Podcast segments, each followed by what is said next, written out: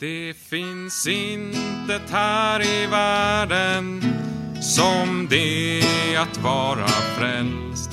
Känna honom som kan ge mitt hjärta frid. Möter prövningar på färden. Du kan bjuda vad som helst. Jag har Jesus, han som stillar själens strid. Om en sorger här mig tära är jag nöjd och glad likväl. Ty med glädjens olja har han smort mig in. Varje dag är han mig nära balsam till min själ. Viskar tröstens ord och kallar mig för sin. Om en skyarna sig hopa och det mörknar på min väg och om tårar skulle väta ner min kind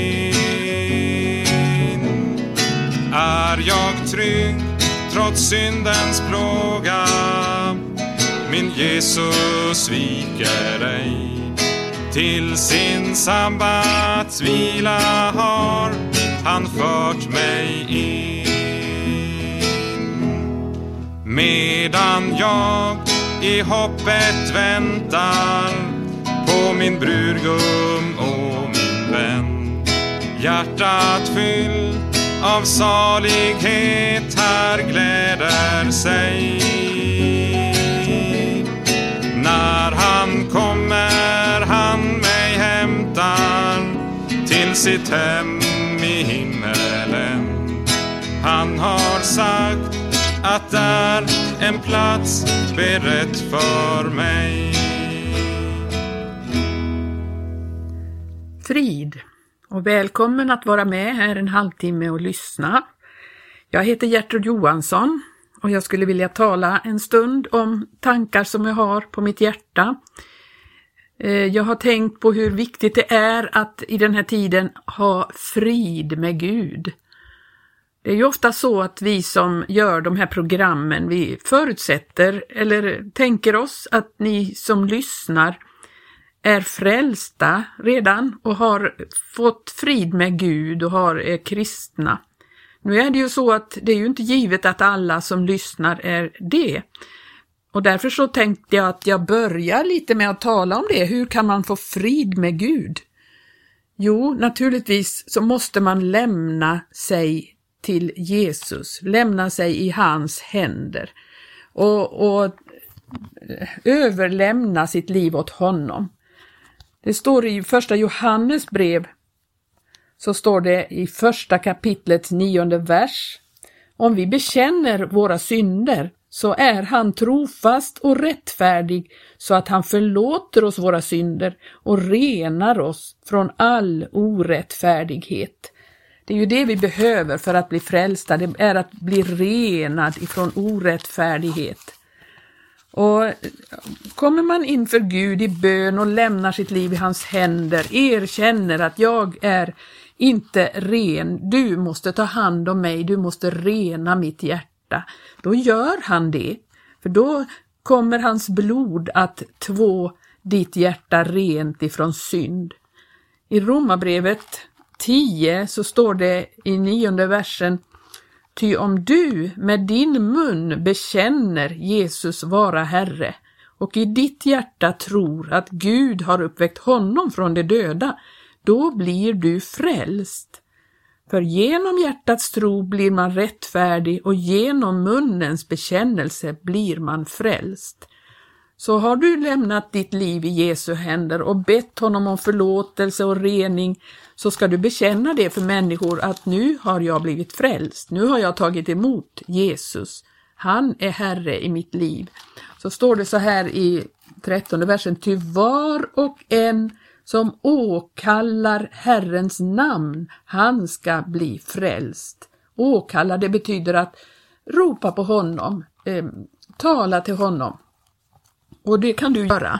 Och då får, får du som gåva en rättfärdighet som eh, inte du kan åstadkomma själv, men som han har gett oss. I Romarbrevet 5 och första versen så står det, då vi nu har blivit rättfärdiggjorda av tro har vi frid med Gud genom vår Herre Jesus Kristus.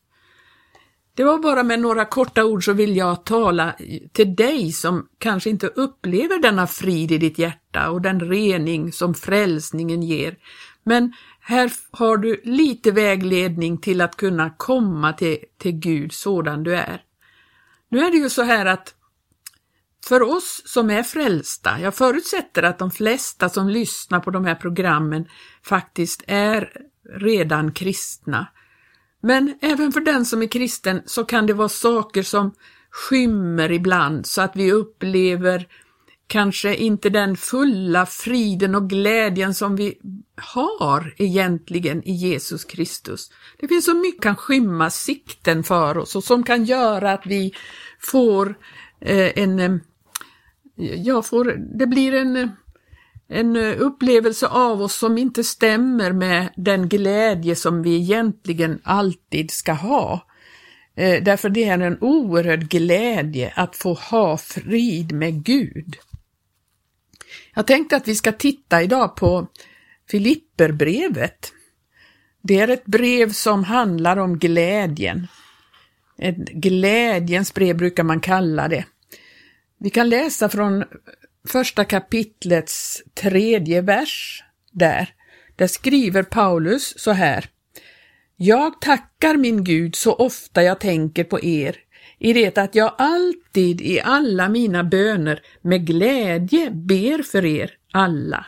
Jag tackar honom för att ni alltifrån första dagen intill nu har deltagit i arbetet för evangelium. Och jag har den tillförsikten att han som i er har begynt ett gott verk, han skall också fullborda det in till Kristi Jesu dag. Här skriver han om glädje, att han alltid med glädje ber för dem alla. Och man kan ju eh, fundera, vad är orsaken till glädjen då? Jo, han tackar Gud med glädje därför att han har hört att de deltar i arbetet för evangelium. Det fyller Paulus hjärta med en stor glädje och, och han en glädjeorsak till och det är att han är helt förvissad om att han som har börjat ett gott verk i dem, han skall också fullborda det in till Kristi Jesu dag.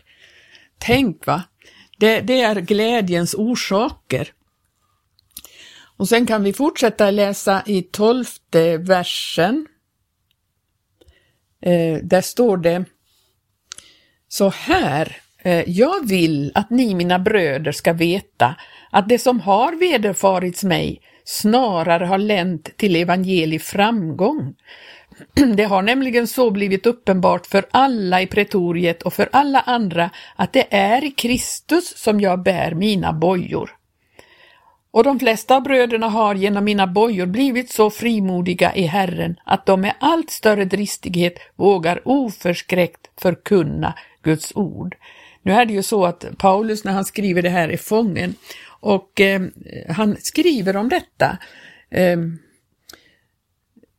de flesta, fortsätter han där, av bröderna har genom mina bojor blivit så frimodiga i Herren att de med allt större dristighet vågar oförskräckt förkunna Guds ord. Somliga finns väl också som av avund och trätlystnad predikar Kristus, men det finns också andra som gör det av god vilja och dessa senare gör det av kärlek eftersom de vet att jag är satt till att försvara evangelium.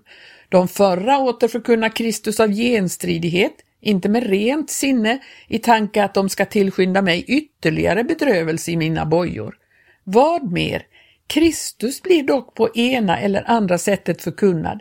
Det må nu ske för syns skull eller i uppriktighet och däröver gläder jag mig. Ja, jag skall dock framgent få glädja mig, ty jag vet att detta ska lända mig till frälsning genom er förbön och därigenom att Jesu Kristi ande förlänas mig.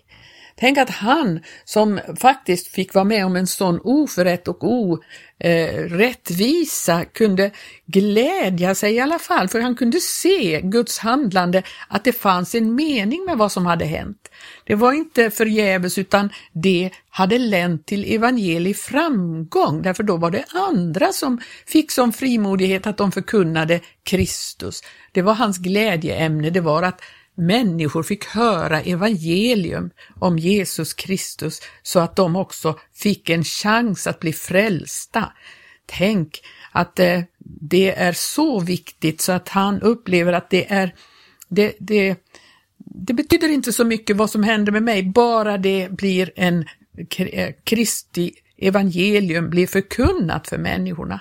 I kapitel 2 så står det så här, om nu förmaning i Kristus om uppmuntran i kärlek, om gemenskap i anden och om hjärtlig godhet och barmhärtighet betyder något, gör då min glädje fullkomlig i det att ni är ens till sinnes, uppfyllda av samma kärlek, endräktiga, likasinnade, fria från genstridighet och ifrån begär efter förfänglig ära, Fastmer må var och en i ödmjukhet akta den andra för mer än sig själv och se inte var och en på sitt eget bästa, utan var och en också på andras.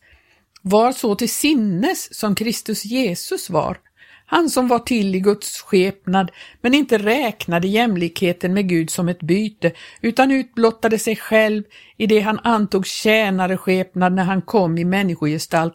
Så befanns han i utvärtes motto vara så som en människa och ödmjukade sig och blev lydig in till döden, ja in till döden på korset. Ja, vi kan stanna där. Vi kan se här att han Eh, förmanar dem om allt detta för att han skriver då blir min glädje fullkomlig. Det fanns saker som de kunde göra för att verkligen öka på hans glädje. För eh, på det viset kan vi se att vi faktiskt kan påverka andras glädje genom hur vi gör och hur vi hanterar saker och ting. Hur vi kanske tar emot prövningar vi eh, behandlar andra människor. Om vi eh, anser att vi är mer värda än dem så kan vi såra människor. Vi kan vara eh, dåliga exempel på evangelieverkan i vårt liv. Men gör vi de här sakerna så skriver han att då blir hans glädje fullkomlig. Människors glädje kan bli fullkomlig om vi gör de här tingen, om vi tar emot de här förmaningarna. Vi kan påverka eh, andras glädje. Så, så oerhört viktigt och det finns väldigt mycket vi kan läsa i det här eh, brevet. Eh, vi kan titta i andra kapitlets sjuttonde vers. Där står så här.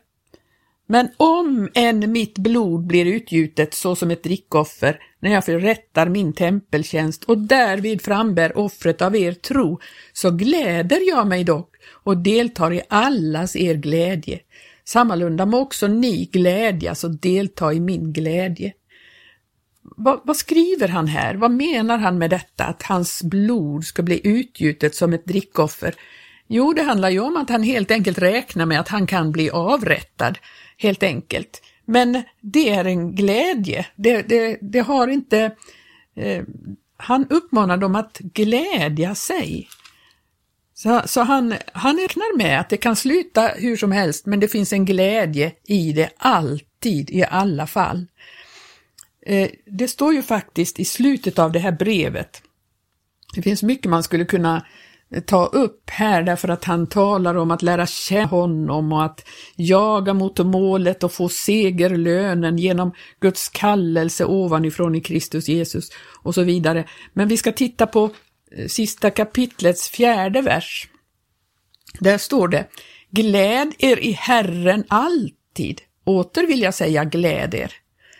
Gläd er i Herren alltid. Ja, och så fortsätter vi Låt ert saktmod bli kunnigt för alla människor. Herren är nära.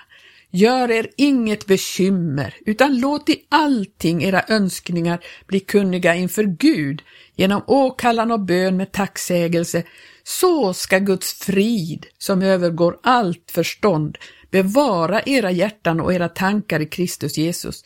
För övrigt, mina bröder, vad sant är, vad värdigt, vad rätt, vad rent är, vad som är älskligt och värt att akta, ja, allt vad dygd heter och allt som förtjänar att prisas. Tänk på allt detta, detta som ni har lärt och inhämtat och har hört av mig och sett hos mig, det ska ni göra och så skall fridens Gud vara med eder. Tänk ändå att eh, vi kan uppleva att Guds frid den bevar våra hjärtan och tankar i Kristus Jesus.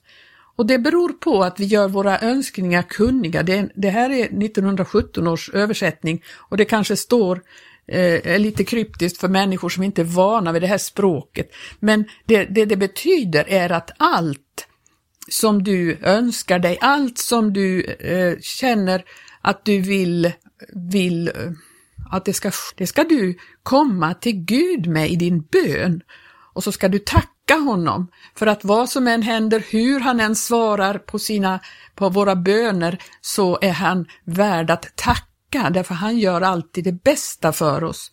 Och gör vi det, om inte vi bekymrar oss utan vi lägger fram det som vi önskar för Gud i bön, då står det att då ska Guds frid, som övergår allt förstånd, bevara våra hjärtan och tankar i Kristus Jesus. Ja, tänk att vi kan få äga Guds frid mitt i en orolig och förfärlig tid. Så, så finns det alltid hopp och vad som än har hänt, vad som än har skett, vad som än har vi har fått erfara och varit med om. Vi kan bli oerhört besvikna på människor, vi kan bli oerhört besvikna på skeenden som vi har tänkt oss skulle bli någonting helt annat och så blir, blev det inte som vi hade tänkt oss.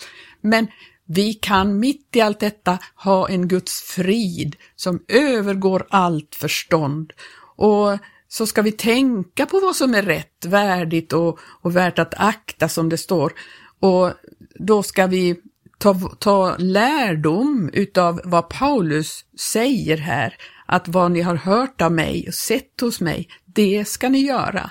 Och det handlar om att alltid, eh, för han skriver så här i början av eh, Filipperbrevet där att eh, han, antingen sitter han i bojor, i fängelse, eller så försvarar och befäster han evangelium. Han gör ingenting, han har inget annat intresse, utan det är hans stora, stora eh, intresse och liv, det är att sprida evangelium. Tänk att vi också kan göra sådana saker och då ska fridens Gud vara med oss. Sen kan vi fortsätta faktiskt i Kolosserbrevet, det står om glädje i det brevet också. Kolosserbrevet 1 och 12 versen så står det så här, att ni ska med glädje tacka Fadern som har gjort er skickliga till delaktighet i den arvslott som de heliga har i ljuset. Ty han har frälst oss ifrån mörkrets välde och försatt oss i sin älskade Sons rike och i honom har vi förlossningen, förlåtelsen för våra synder, i honom som är den osynlige Gudens avbild och förstfödd före allt skapat. Jag tänk ändå ett, ett sånt eh, verk han gör med oss, så vi kan med glädje tacka Fadern för att vi har fått ta emot den här frälsningen. Det är oerhört stort. Och i 24 versen står det så här, att nu gläder jag mig mitt i mina lidanden för eder. Ja, eh, Paulus han gladde sig därför att han upplevde vad de hade fått ta emot, att det höll på att bli eh, växa till i dem och det skedde ett oerhört Guds verk bland de här kolosserna som han, eh, som han eh, skriver till här. Och i andra kapitlets eh, femte vers så står det så här till kolosserna att eh, ty om jag också till kroppen är frånvarande så är jag dock i anden hos er och gläder mig när jag ser den ordning som råder bland er och när jag ser fastheten i er tro på Kristus. Så som ni nu har mottagit Kristus Jesus Herren, så vandra i honom och var rotade i honom och låt er upp uppbyggas i honom och befästas i tron i enlighet med den undervisning ni har fått och överflöda i tacksägelse. Ja, han gläder sig så mycket över att det som håller på att ske med dem och så förmanar han dem att fortsätta med det här, fortsätta att vandra på det här sättet. Så då kommer det att bli en underbar eh, resultat i deras liv. Så därför så gläder han sig eh, och han är där i sin ande och tänker på dem. Och han upplever att det finns en oerhörd ordning bland dem som han är oerhört glad över. Det finns så mycket att glädja sig för den som är, är eh, eh insatt i det här med Guds verk och vad som sker. Eh, om vi tittar sen på första Thessalonikerbrevet så kan vi också se eh, att han skriver om, det är fortfarande Paulus som skriver i första Korinthierbrevet 3 och så hade han hört någonting, han hade hört av eh, Timoteus en rapport om de här, den här lilla församlingen i Thessaloniki som hade tagit emot evangelium under eh, prövningar och allting. Det står i första kapitlet där så står det eh, att, eh, att ni och er sida blev våra efterföljare och därmed Herrens i det att ni mitt under stort betryck tog emot ordet med glädje i helig ande. Tänk att de tog emot ordet fast det var prövningar och, och omedelbart i deras liv. Och så vill han ha en rapport och därför skickar han dit Timoteus efter ett, en tid. Och så står det så här att i tredje kapitlet som jag sa i sjätte versen, men nu när Timoteus har kommit till oss från er och förkunnat för oss det glada budskapet om er tro och kärlek och sagt oss att ni alltjämt har oss i god hågkomst och att ni längtar efter att se oss liksom vi längtar efter er. Eh, nu har vi i fråga om er, kära bröder, genom er tro fått hungnad i all vår nöd och allt vårt lidande, ty nu lever vi eftersom ni står fasta i Herren. Ja, hur ska vi nog kunna tacka Gud för eder till gengäld för all den glädje som vi genom er har inför vår Gud. Natt och dag är det vår innerligaste bön att vi må få se era ansikten och avhjälpa vad som kan brista i er tro. Han hade fått en sån glädje när han hörde att de faktiskt höll fast vid det här och fortsatte i den här tron. Och, och då, ja, de hade all anledning att tacka Gud för det verk som skedde här i, i eh, Thessaloniki. Ja, det finns väldigt många bibelord att ta fram. Det finns i Romarbrevet 12 och 12 där det står att vi ska vara glada i hopp hoppet, tåliga i bedrövelsen, uthålliga i bönen. Och i Galaterbrevet kan vi ju läsa i femte kapitlet om att eh, glädjen är ju faktiskt en andens frukt. Det är många gånger så har inte vi mänsklig förmåga att känna den glädjen, men det står i Galaterbrevet 5 och 22 att andens frukt åter är kärlek, glädje, frid, tålamod, mildhet, godhet, trofasthet, saktmod, återhållsamhet. Mot sådant är icke lagen. Så det är en andens frukt, en andens verkning i vårt liv, det är att det kommer fram, den här glädjen, och att vi då kan glädja oss mitt i bedrövelsen så för allt möjligt. Det finns mycket man kan vara bedrövad över, men det finns en underström i våra liv och hjärtan av glädje. Och det har vi alltid Eh, tillgång till om vi låter detta eh, ske i våra liv. Eh, vi kan läsa i Andra Korinthierbrevet också, eh, sjätte kapitlet. Ehm, vi kanske inte hinner läsa allt det där, men det är i alla fall eh, men vi så som bedrövade men dock alltid glada, står det. Det, det var bara det, det lilla eh, ordet i tionde versen där. Så som bedrövade men dock alltid glada. Så att det, det, är på olika plan helt enkelt. Glädjen kommer fram ur vår ande när vi upplever att anden gör ett verk i människors liv och Guds verk går framåt. Då har vi en glädjeström i våra liv som vi alltid kan få. Och det är därför det står så här, gläder i Herren alltid. Och var alltid glada, står det i Andra Korinthierbrevet eh, 13. Va? Eh, så att det, det, finns med hela tiden att det finns en glädje som vi kan ha hur det än ser ut. Vi kan vara, få uppleva och erfara saker som inte alls är så roligt, men gläder sig ändå. Därför att det, det finns, var glada står det i Andra Korinthierbrevet. Var glada. Ja, jag gläder mig. Andra Korinthierbrevet 7 och 16 står det så här. Eh, 7 och 16. Jag gläder mig över att jag i allt vad er angår kan vara vid gott mod. Tänk ändå att eh, han upplever att, att det finns en sån glädje därför att han ser hur det går för dem. Han är bekymrad över dem och, och så gläder han sig när han, när han upplever att det har gått bra för dem med de förmaningar han har gjort. Var glada, håll frid med alla människor som, som eh, så långt det beror på er. Ja.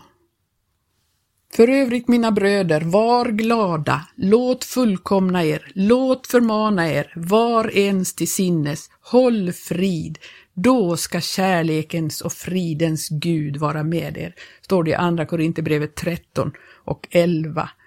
Och där så får jag stanna för den här gången och jag önskar dig Guds frid och den glädje som finns i den helige Andes kraft. I Jesu namn. Amen.